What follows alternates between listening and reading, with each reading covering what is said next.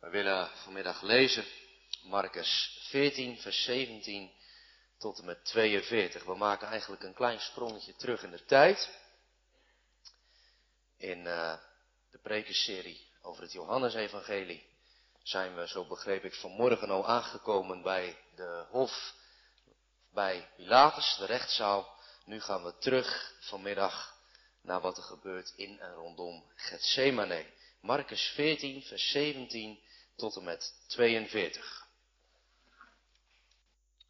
En als het avond geworden was, kwam hij met de twaalf. En als zij aanzaten en aten, zeide Jezus, Voorwaar, ik zeg u, dat een van u, die met mij eet, mij zal verraden.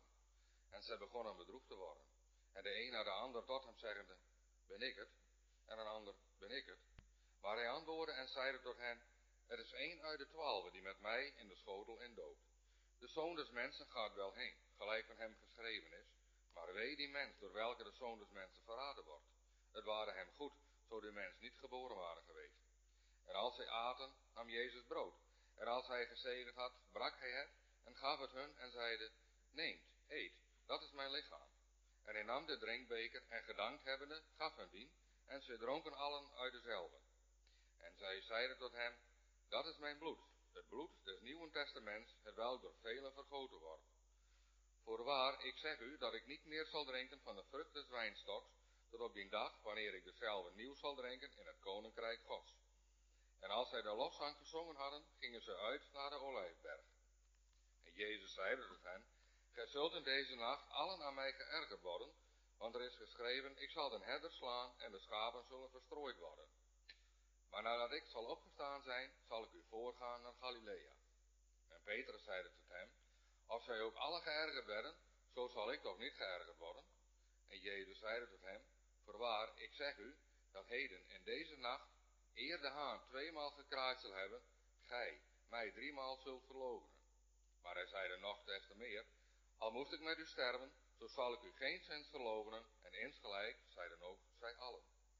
En ze kwamen in een plaats welke naam was Gethsemane. En hij zeide tot zijn discipelen, zit hier neder, totdat ik gebeden zal hebben. En hij nam met zich Petrus en Jacobus en Johannes, en begon verbaasd en zeer beangst te worden. En zeide tot hen, mijn ziel is geheel bedroefd tot de dood toe. Blijf hier en waakt. En een weinig voortgegaan zijnde, viel hij op de aarde en bad, zo het mogelijk waren dat die uren van hem voorbij ging. En hij zeide, Abba, vader, alle dingen zijn u mogelijk. Neem deze drinkbeker van mij weg. Doch niet wat ik wil, maar wat gij wilt. En hij kwam en vond haar slapende en zeide tot Petrus, Simon, slaapt gij? Kunt gij niet één uur waken? Waakt en bid, opdat gij niet in verzoeking komt. De geest is wel gewillig, maar het vlees is zwak. En wederom heen gegaan zijnde, bad hij, sprekende dezelfde woorden. En wedergekeerd zijnde vond hij hen wederom slapende, want hun ogen waren bezwaard. En zij wisten niet wat zij hem antwoorden zouden. En hij kwam ten derde malen en zeide tot hen, slaap nu voort en rust, het is genoeg. De uren is gekomen, zie, de zoon des mensen wordt overgeleverd in de handen der zondaren. Staat op, laat ons gaan. Zie, die mij verraadt, is nabij. Zover.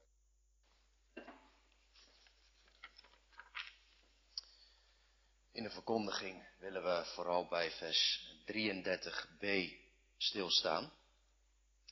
Terwijl hij Petrus, Johannes en Jacobus met zich meeneemt, staat er, hij begon verbaasd en zeer beangst te worden. Gemeente, ik weet niet wat u verwacht had qua preek. Ik heb er wat over na zitten denken. Ja, je neemt afscheid. Ik heb ervoor gekozen om in de preek in die zin, directe zin, er geen aandacht aan te besteden. Dat is in de eerste plaats omdat ik maar gewoon gemeentelid ben. Dat zei ik ook tegen Andries. En in de tweede plaats, de beste manier om afscheid te nemen is om maar gewoon het evangelie te verkondigen, volgens mij. Dus dat gaan we doen. En ik zei al, we gaan een stapje terug in de tijd. Vanmorgen waren we bij Pilatus. Nu gaan we terug naar de paasmaaltijd. En we staan op, samen met de discipelen en Jezus. En we gaan. Waar gaan we heen? We gaan naar de Hof van Gethsemane, onderaan de voet van de Olijfberg. En Lucas en Johannes die vertellen ons dat Jezus daar wel vaker kwam. Waarom? Om te bidden. Zou dat nu ook zo zijn? Ja, dat denk ik wel. We weten dat in de eerste plaats uit vers 43.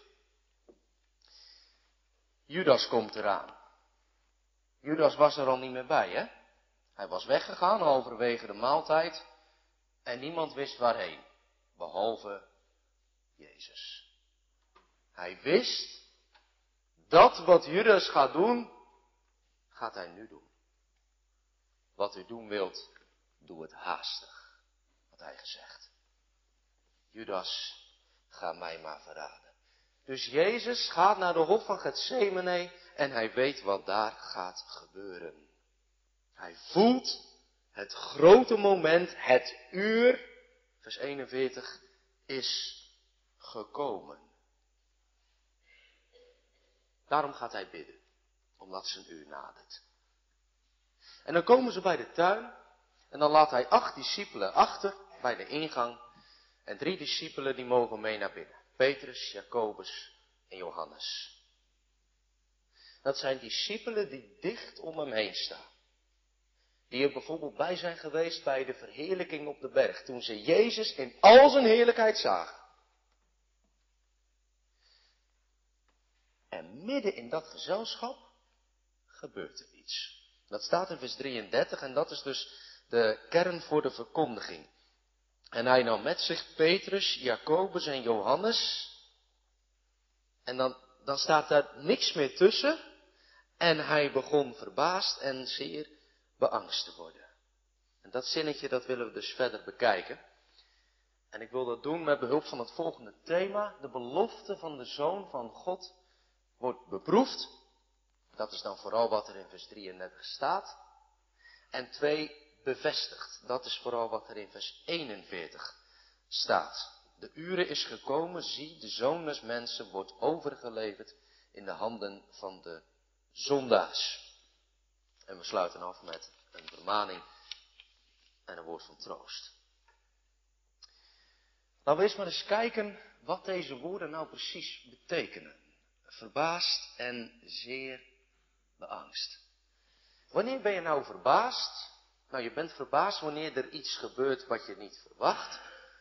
Of wanneer je bijvoorbeeld iets voor het eerst ziet. Je hebt het nog nooit gezien en je kijkt je ogen uit. Waar moest ik aan denken? En u mag aan andere dingen denken, maar ik moest denken aan Joël die voor het eerst een vrachtwagen zag. Hij keek zijn ogen uit. Klein mannetje, nog geen meter lang, naar zo'n grote vrachtwagen. Nou, dat is positieve verbazing.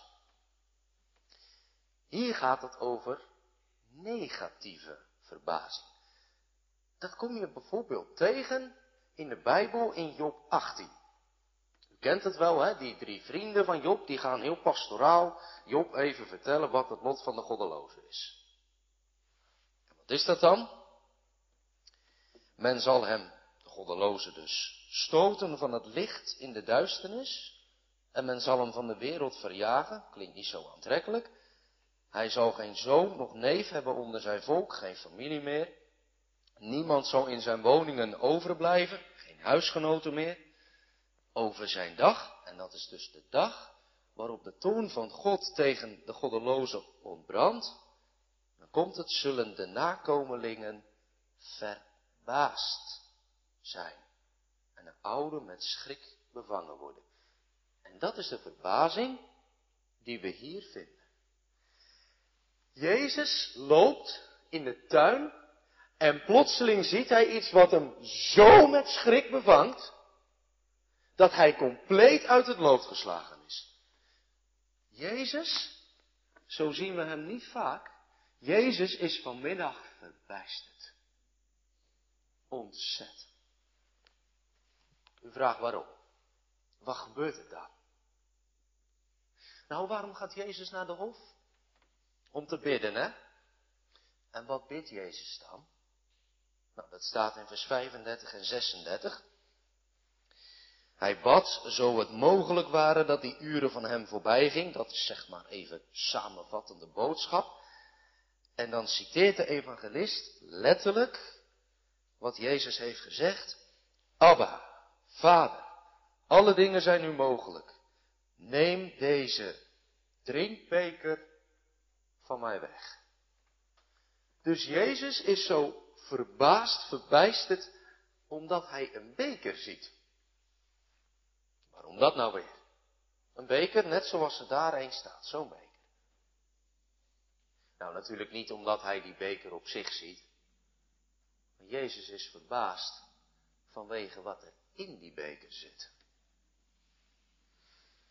In jouw beker zit, denk ik, uh, limonade, als je straks thuis komt. En in uw mok zit koffie of thee. Hier niet. Wat zit erin, in die beker? Nou, dan gaan we even naar het Oude Testament. Daar komt dat woord drinkbeker wel vaker voor.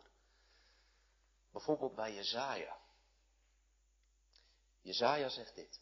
Ontwaak, ontwaak, sta op Jeruzalem, u die uit de hand van de Heere gedronken hebt, de beker van zijn grimmigheid. De droesem, dat is het onderste uit de beker van bedwelming, dat hebt u gedronken.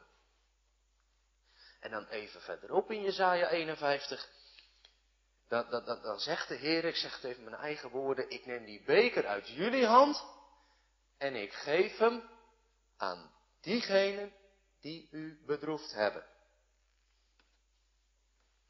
Kort gezegd, in die drinkbeker die Jezus ziet in de hof van Gethsemane zit de toren van God. Dat moet je maar goed onthouden vanmiddag. In die beker zit Gods toren.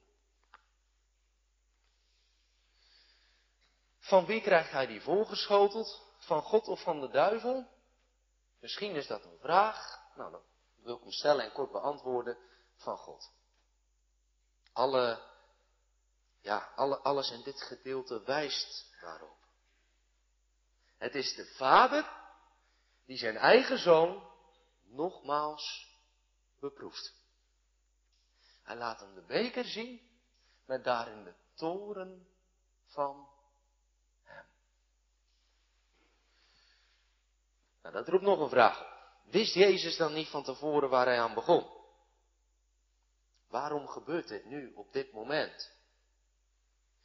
Jezus had toch gezegd, voor de schepping van de wereld, zie ik kom om uw wil te doen. We hebben toch Psalm 40 vers 4 gezongen, of niet? In de rol van het boek is over mij geschreven. Zie, ik kom om uw wil te doen, o God. Nou, dat is waar.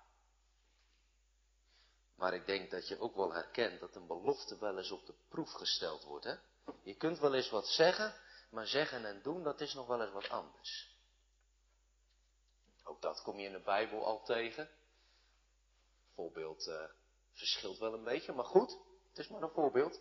Herodes, hè? Een beetje onder de invloed. Niet helemaal dronken, maar ook niet nuchter.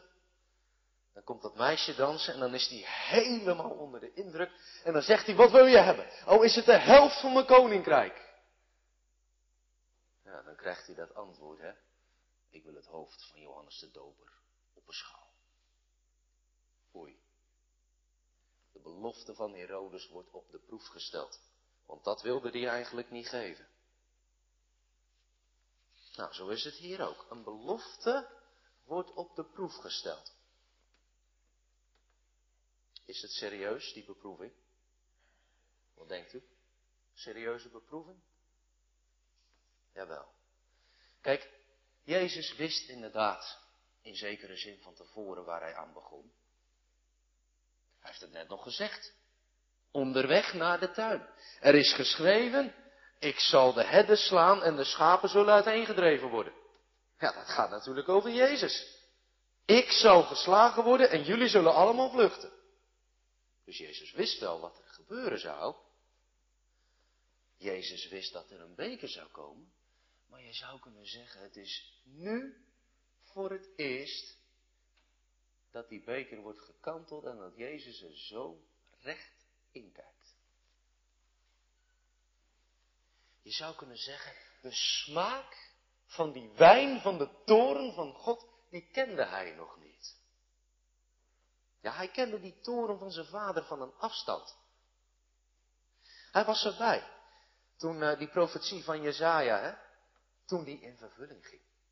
Hij was erbij toen God aan Israël de beker gaf die ze zelf hadden ingeschonken. De ballingschap. Dat verschrikkelijke oordeel, dat Auschwitz van het Oude Testament, daar was hij bij. Vanuit de hemel. Zag hij dat? Hij was erbij toen Babel vanwege hun, hun verachten van het volk van God vervolgens de beker kreeg. Maar hij heeft het nooit zelf ervaren. Misschien heb ik broers of zussen. Ik wel. En dan gebeurt het nog wel eens. Dan waren we samen ergens mee bezig geweest. Met iets wat niet mocht.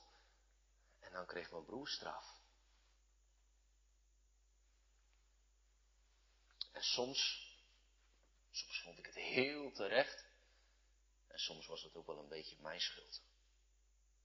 Maar het is natuurlijk wel een verschil, hè? Kijk, in, in beide gevallen had ik een boze vader. Maar in het ene geval was hij boos op mijn broer en dan deed het mij niet zoveel. Dat is ook zonde trouwens. En in het andere geval, ja dan spreekwoordelijk, bukte ik. Want dan was het vader die boos was op mij. Dat is wel een verschil, hè? dat voel je ook wel aan. Dus het is een verschil wanneer Jezus zijn vader ziet tonen op een willekeurige zondaar in Driesem. Of wanneer hij ineens tot zijn afgrijzen ziet dat zijn eigen vader zich van hem omkeert. Zijn gezicht van hem wegdraait. Even is zijn vader niet meer één met hem. En even als je nooit wat anders gewend bent, is even heel lang. En dan zitten we direct eigenlijk bij wat het nou het wezen van die toren van God is. De, de overheersende smaak van die wijn. Gemeente, dat is Godverlatenheid. Datgene wat Jezus zelf ook zegt in vers 34. Mijn ziel is geheel bedroefd tot de dood toe. Hier weer klinkt, zeker vanuit het Grieks, weer klinkt Psalm 42 en 43. Daarom zongen we die ook. In die psalmen stort de dichter zijn nood uit voor God. En wat is zijn nood? Nou, dat hij in het noorden van Israël zit bij de Hermon en dat hij niet naar de tempel kan om een of andere reden. En dat betekent dus dat hij weg is bij God. Want in de tempel, daar woonde God. Er werden de offers gebracht. En daar kon hij niet heen. En Jezus, Jezus geeft aan zich daarin te herkennen. God is weg. Wel met een verschil. Die dichter, die vindt uiteindelijk God weer. Maar Jezus krijgt de volle Godverlatenheid over zich heen. En dit is iets dat heeft Jezus nog nooit ervaren. Jezus was nog nooit van God verlaten. Weet u wat er staat in de Bijbel? Spreuken 8. Hij was als spelende voor het aangezicht van vader. Vorige week waren we in een eh, speeltuin. En ik zat boven op het klimtoestel. En Joel die liep weg, die ging wat anders ontdekken. Maar halverwege, vond ik heel treffend, keek hij even om of ik er nog zat. Dat is spelende voor vaders aangezicht. En hier niet langer. En Marcus onderstreept dat. Weet u, er zijn zeven kruiswoorden. En hoe komen we aan het getal zeven? Nou ja, door alle uh, kruiswoorden in de verschillende evangeliën bij elkaar op te tellen. De een heeft er twee, de ander drie, de ander vier enzovoort. Maar Marcus heeft er maar één. Nee, Marcus ontkent niet dat er andere kruiswoorden zijn geweest, maar hij noemt er één. Welke? Deze. Mijn God, mijn God, waarom hebt u mij? Het kruiswoord bij Marcus. Dat is wat de evangelist Marcus wil onderstrepen. De kern van de toren van God is van God verlaten te zijn. En dat is wat Jezus ervaart. En dat is precies het tegenovergestelde van hoe Marcus begon. Marcus 1, vers 1. Het begin van het evangelie van Jezus Christus, de Zoon van God. De Zoon van God. Als kind van je ouders vind je als het goed is altijd gehoor. En als dat niet zo is, dan moet u bij de pastorie langs. Als kind van ouders, als zoon van, vind je altijd gehoor. Ik vind het altijd huiveringwekkend als je dan weer eens verhalen leest dat dat niet gebeurt. Dan denk ik concreet aan bijvoorbeeld nieuwsberichten dat er weer een babylijkje gevonden is in een container. En dan wordt het altijd nog erger als je dan mensen hoort zeggen dat ze zogenaamd niet wisten dat het kind nog leefde. Net zo huiveringwekkend als je het getal 33.000 hoort. Dan hoef ik eigenlijk het woord abortus er niet meer bij te noemen. Hè? Die, dat woord en dat getal, dat hoort, hoort blijkbaar bij elkaar. Het, zou je maar gebeuren. Dat je 14, 15 jaar bent en je krijgt, meestal onbedoeld te horen, dat je eigenlijk niet gewenst was. Kind van je ouders, maar ze wilden eigenlijk liever dat jij er niet was. Nou, zo heb ik wat zitten denken. Hoe Jezus dat hier moet hebben ervaren. Van God, van zijn eigen vader verlaten. Kunt u begrijpen dat ik ergens bij een commentaar ik zeg het in mijn eigen woorden, las dat Jezus helemaal niet zo bang is voor Judas. En Jezus ook niet zo bang is voor het Sanhedrin. Maar waar Jezus bang voor is, is de bitterheid van Gods verlating. Dat zijn eigen vader hem niet meer kent. Dat is de beproeving. Jezus krijgt hier zo vlak voor het kruis als het ware nog één keer de vraag, ben je bereid? Sta je achter het woord dat je mij gegeven hebt? Je hebt het gezegd, ik kom om uw wil te doen. Blijf je erbij? Ik spreek een beetje menselijk over de vader en de zoon vanmiddag hoop dat u het me wilt vergeven. Maar ik verlang om, om dit in uw hart binnen te brengen. De diepte van de weg die Jezus gaat. Verlaten van zijn eigen vader. We gaan richting het tweede. Niet alleen wordt de belofte van de Zoon van God beproefd, maar die wordt ook bevestigd. Is nog even dit. Kijk, wat er hier gebeurt is heel intens. Dat, dat voelen we wel aan, denk ik. Hè? Mijn ziel en zaligheid staat hier op het spel. Als Jezus hier stopt, als Jezus hier de tuin uitloopt en zegt, ik kap ermee, dan waren we allemaal verloren. Dan was het voor ons allemaal eeuwig te laat. Als Jezus niet zou waken en bidden was het over en uit. Maar wat doet Jezus? Jezus luistert naar zijn eigen woorden. Jezus neemt zijn eigen woord ter harte. En dan denk ik heel concreet aan Lucas 14. In dat gedeelte waarschuwt Jezus mensen die al te enthousiast zeggen, ik wil u volgen. Dan zegt Jezus niet, oh dat is fijn, kom maar. Dat mag natuurlijk. Tuurlijk wel. Maar hij zegt wel, oh, heb je de kosten berekend? Heb je het totaal gezien van de som? Niemand die begint te bouwen voordat hij eerst een offerte opvraagt. Ik was gisteren ergens en dan zag ik een offerte liggen van uh, broeder IJsma, timmerwerken. Eerst een offerte opvragen. Ja, dan vraag je je af wie, hè? Eerst een offerte opvragen. Eerst de kosten berekenen. En nou is het wonder dat Jezus dat zelf ook doet. Jezus berekent de kosten. Nog niet eerder zag hij het totaal. Hij zag de zonde. Hij zag wat het zijn vader deed. Maar nu ziet hij onderaan de streep wat die toren van vader ten diepste betekent. En hij gaat. Dat staat in vers 41. Even mijn eigen woorden. De zoon des mensen wordt overgeleverd. Hoe gaat hij? Zonder de discipelen.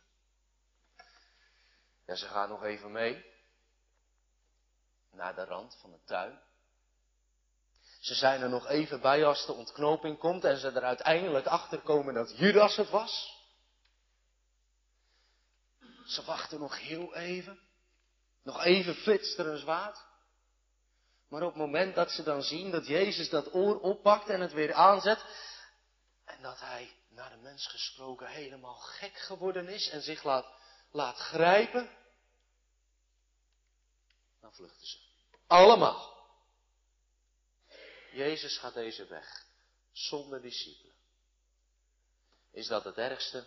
Nee. Wat is dan het ergste? Wie is er nog meer afwezig in dit gedeelte? Hebt u het al geproefd? Hebt u het gemerkt? Hebt u het gelezen, of beter gezegd, niet gelezen? Weet u wie ik mis? Vader. Bij de verheerlijking op de berg hè, kwam er nog een stem uit de hemel. Dit is mijn geliefde zoon, hoort hem. En hier? Niets. Ja, ik hoor Jezus zeggen, Abba, Vader. Maar ik lees een hemel van koper. Lucas verhaalt ons, en ik heb dat eigenlijk tot voorheen altijd positief gelezen, en er werd gezien een engel uit de hemel die hem versterkte. Maar ik ben van gedachten veranderd. Een engel. Een engel is niet God de Vader. Jezus moet het in dit uur, het uur, doen met een loopjongen. Ja, een hemelse loopjongen, maar een boodschapper. En niet God zelf. Dat betekent dat Jezus nu al iets proeft van de Godverlatenheid. Jezus was niet God pas kwijt aan het kruis. Jezus was zijn vader kwijt vanaf de hof van Gethsemane. En hij gaat. Er staat niet, zie de zoon des mensen zal vluchten. Er staat ook niet, zie de zoon des mensen die zo legioenen engelen met de knip van zijn vinger gereed hebben staan om al die vuile zondaars neer te slaan. Ja, hij heeft het even laten zien, hè? zijn macht en zijn majesteit. Even vallen ze allemaal achterover. Maar dat onderstreept juist des te meer. Jezus is hier niet de machteloze. Jezus gaat. De belofte die hij aan zijn vader heeft gedaan, die bevestigt hij, die onderstreept hij. En daarom is het zo heerlijk wat hier staat. Dit is zo'n machtig mooi gedeelte. Dit ontkracht nou iedere opvatting die zegt dat lijden van Jezus, dat was toch eigenlijk wel, wel heel verdrietig. Hè? Dat het nou zo liep. Ja, noodlot. Niks noodlot. Ik ga het scherp zeggen vanmiddag. Gemeente, dat is ketterij. Jezus stierf niet noodlottig aan het kruis. Jezus stierf aan het kruis, zuiver en alleen, omdat hij het wilde. En dat is het evangelie. De Christus moest lijden, dat zegt hij zelf, en hij wilde lijden. Absoluut bereid om te gaan tot het bittere einde, terwijl hij vader al kwijt is. Gaan we nog één stapje diep. Dus Jezus ziet die beker. Hij proeft iets van die wijn. Hij gaat door. En nou de vraag voor wie. Dat staat er ook nog bij, hè? Waarom waren die discipelen er eigenlijk bij? Die drie discipelen. Petrus, Jacobus en Johannes. Ja, dat waren de volgelingen die het meeste met Jezus hadden meegemaakt. Die verheerlijking op de berg bijvoorbeeld. Petrus was een discipel van het eerste uur. Je zou kunnen zeggen, dit waren de hartsvrienden van Jezus. En Jezus, hè, die weet dat zijn uur nadert. Ja, wat wil je dan? Als je nou naar het ziekenhuis bent geweest en een scan hebt gehad. En je krijgt dat telefoontje. En, en je hele wereld stort in omdat je hoort dat je kanker hebt. Wat wil je dan? Als je getrouwd bent, dan wil je natuurlijk dat je man of je vrouw je, je ondersteunt, je draagt. Je wil dat, dat, dat mensen die je lief zijn, vrienden, vriendinnen, dat ze bij je langskomen. Dat ze je opzoeken. En Jezus was God, maar Jezus was ook mens. En na zijn mensheid verlangde hij naar gezelschap. Blijf hier en waak. Dat is een oprecht verlangen van Jezus. En wat krijgt hij? Drie slaperige vrienden. Ze vallen in slaap. Kunt u het zich voorstellen? Als je dit vraagt, in de diepste nood, wil je voor me bidden? En dat mensen achteraf bekennen, nou, ik ben het vergeten. Oh, dat doet pijn. Kunt u zich een beetje voorstellen wat dat doet? Terwijl ze gehoord hebben wat Jezus zei, hè? Mijn ziel is geheel bedroefd tot de dood toe. Hij ervaart precies datgene wat Psalm 42 ook zegt. Terwijl ze het gezien hebben. Ze waren nog aan het lopen en plotseling verbaasd en zeer angstig. Weet u, het is alsof de vader hem niet alleen die beker voorhoudt, maar hem ook nog eens heel schokkend tekent voor wie hij die beker moet gaan drinken. Voor hun. Voor u en voor mij. Voor slappelingen.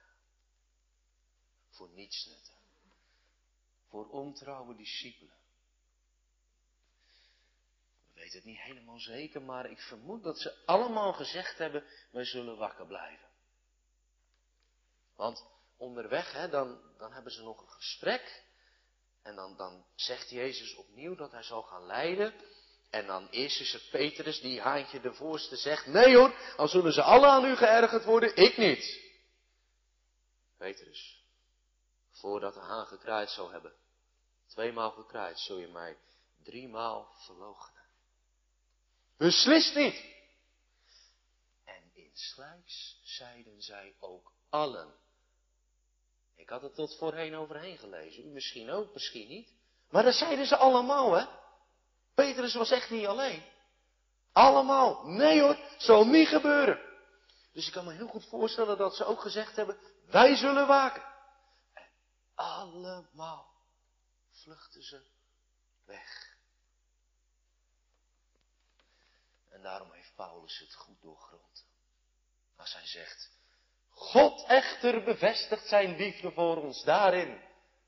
Dat Christus voor ons gestorven is toen wij nog zondaars waren. Toen wij nog van die slappelingen waren. Toen wij nog van die nietsnutten waren die allemaal wegvluchten. Is Christus voor ons de dood ingegaan. We gaan richting een concrete toepassing. Waarom moest Jezus sterven? Nou, Marcus zegt het zo om zijn ziel te geven tot een losprijs voor velen. Met andere woorden, opdat niemand anders in die Godverlatenheid terecht zou hoeven komen. Dat niemand die beker zou hoeven leeg drinken.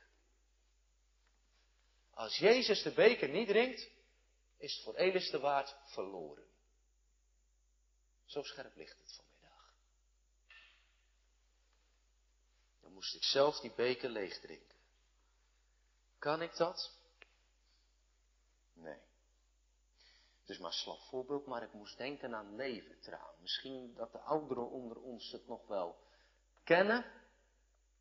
Vroeger, heel vroeger had je echt zuivere leventraan en daarna, dat heb ik ook nog van internet, kreeg je van die capsules, dat was al, dat was al beter, maar die, die echte leventranen, Volgens mij heb je dat zo moeten, moeten drinken, neus dicht, verstand op nul, lepel naar binnen, doorslikken en nooit meer aan denken. Leven eraan, klinkt niet zo smakelijk, dat werd gewonnen uit uh, vissenlever, olie van vissenlever. Kunt u zich wel een beetje voorstellen, denk ik, hoe dat moet hebben gesmaakt. En ik hoef er eigenlijk niet bij te zeggen dat, dat deze beker nog veel erger is. Kunt u die drinken? Jacobus en Johannes dachten van wel. Ja hoor, die kunnen wij drinken. En om ze te laten zien dat dat niet kan, neemt Jezus ze mee. Kom maar eens even mee. Dan zul je zien wat die beker is. Dit is hem. Gemeente, als we zien wat die beker met de zoon des mensen doet, dan zijn we ervan genezen. Dat we zelf die beker zouden kunnen drinken. Die hoogleraar die zei het ooit, hè, Goede Vrijdag 1959. Geef mijn portie maar aan Vicky. Ik betaal mijn eigen schuld. Oh ja? Als je werkelijk ziet wat die schuld inhoudt, dan houd je je mond voor eeuwig. Ik betaal mijn eigen schuld. Dat kan u niet. En ik ook niet. In die beker zit mijn zonde en de toren van God erover. Die beker heb ik als het ware zelf gevuld, hè? Met mijn eigen zonde. En u, met uw zonde. dus daar zit de verkeerde gedachte in. Daar zit vuilheid in. Daar zit onoprechtheid in. Er zit egoïsme in. Er zit overspel in. Er zit diefstal in. Er zit begeerte in. Scheldwoorden. Vunzige grappen. Ongeloof. Dronkenschap. Noem het allemaal maar op. Verkeersovertredingen. Alles. Kleine dingen, grote dingen, allemaal één hoop. En de toren van God daaroverheen. En als u nou wilt weten hoe erg de zonde is, wat moet u dan doen? Moet u dan veel luisteren naar de wet? Nou, dat ook. En we lezen iedere, iedere zondagmorgen lezen we de wet, onder andere, zodat het een beetje gaat jeuken zodat zonde nooit gaat wennen. Zodat je telkens weer iets voelt van, ik ben niet helemaal zoals ik zijn moet, of misschien helemaal niet zoals ik zijn moet. En de wet kan je, kan je soms ook helemaal een mokerslag toebrengen. Maar de wet kan je niet genezen. Wat kan me dan wel genezen? Wat bevrijdt mij nou van liefde tot de zonde? Als ik door de Heilige Geest geleid word en zie wat die beker met mijn zonde, met de zoon des mensen doet. Alleen het evangelie kan een mens werkelijk genezen en bevrijden. En dan is het evangelie goud eerlijk. Die doet helemaal niks af aan de ernst van die beker. Verbaasd en zeer angstig. Toch, we gaan het straks zingen. Jezus wordt het met zijn vader eens. Mijn ziel is in mij als een kind gespeend. Het heeft zich met uw wil vereend. Verenigd. Niet wat ik wil, maar wat u wilt geschieden. En gemeente, nou is het u en mij gezet om eenmaal te sterven. En daarna het oordeel. Maar vanmiddag is er op grond van dit evangelie vrijspraak. Wil je het krijgen? Ik zou haast zeggen, wie niet? Wat moet je dan doen? Dan moet je schuilen bij hem die de beker leegdronk. Moet je niet zeggen, die ga ik zelf wel drinken. Dat kun je niet. Godverlatenheid. Niemand van ons weet ten diepste wat het is. Want er is geen mens ter wereld die compleet van God verlaten is. Als je van God verlaten bent, dan stopt je hart. Want zelfs het ritme van je hart wordt door God in stand gehouden. Je, je zou het kunnen vergelijken met de zon. We hebben nou van dat prachtige zonnige weer. Hè? En eh, vanmorgen reed ik naar Oude Pekela en toen, toen waren er eerst een, een paar wolken. De zon schijnt natuurlijk nog gewoon. maar wel achter de wolken. En nu is het weer helder. Het is diezelfde zon. Die zon is niet minder krachtig, maar de wolken voor de zon, die maken dat het wel eens verschilt. Maar die zon is er altijd. Zo kan je ook zeggen, God laat zijn zon opgaan over goeden en slechten. Geen mens ter wereld is compleet van God verlaten. Wat je ook in je leven allemaal ervaart aan lijden, aan pijn, aan moeite en verdriet.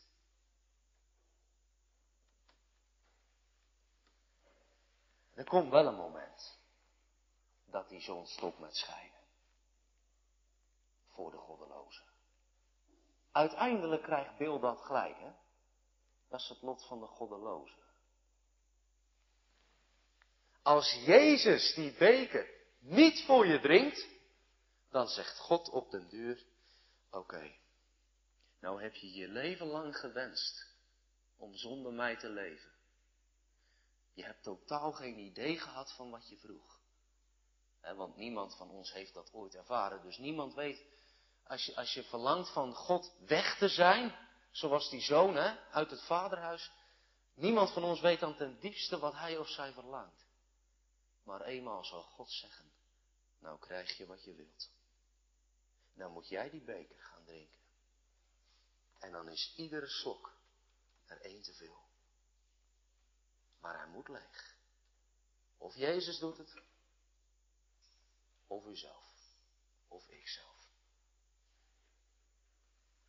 Dat is de vermaning. Nou nog korte vertroosting. Opnieuw het Leidensevangelie gehoord.